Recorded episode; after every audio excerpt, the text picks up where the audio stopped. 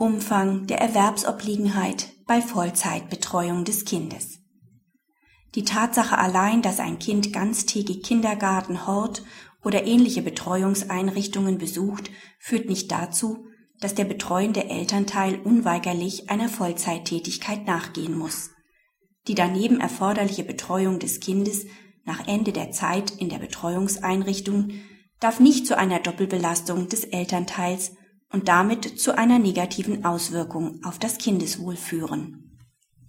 Der BGH befasst sich in dieser Entscheidung im Anschluss an die Entscheidung vom 18.03.2009 NJW 2009 Seite 1876 erneut mit der Erwerbsobliegenheit des betreuenden Elternteils im Rahmen des Betreuungsunterhalts nach 1570 BGB.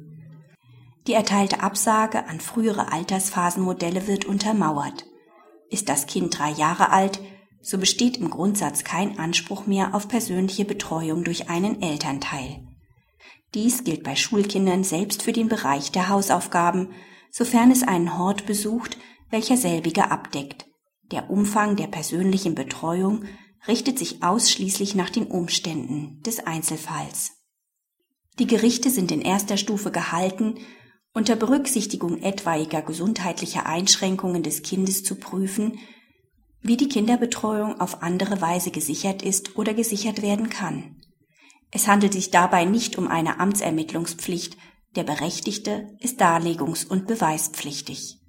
In zweiter Stufe sind es elternbezogene Gründe, welche die Erwerbsobliegenheit trotz Fremdbetreuung einschränken können. Neben solchen gesundheitlicher Art ist dies in vielen Fällen der Ausdruck einer nachehelichen Solidarität.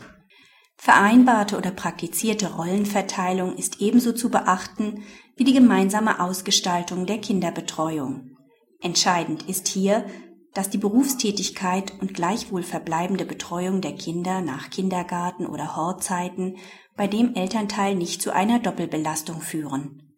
Hier haben die Gerichte zu prüfen, in welchem Umfang die Kinder nach Rückkehr in den Haushalt noch einer Betreuung bzw. Begleitung durch den Elternteil bedürfen.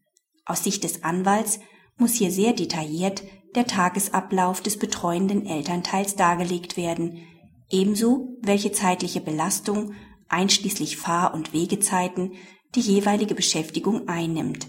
In diesem Bereich spiegeln sich sodann zeitliche Inanspruchnahme wider, welche in gesundheitlichen oder schulischen Defiziten bzw. Begabungen der Kinder wurzeln, weshalb besondere Therapien, Nachhilfestunden gleichermaßen wie der Besuch von Musik- oder Sportunterricht stattfinden. Praxishinweis. Sofern keine Vollzeitbeschäftigung ausgeübt wird, sollte der Anwalt in jedem Fall den fiktiven Zeitumfang einer solchen darlegen und die damit je nach Einzelfall gegebenen Auswirkungen auf das Kindeswohl sowie die Belastung des Elternteils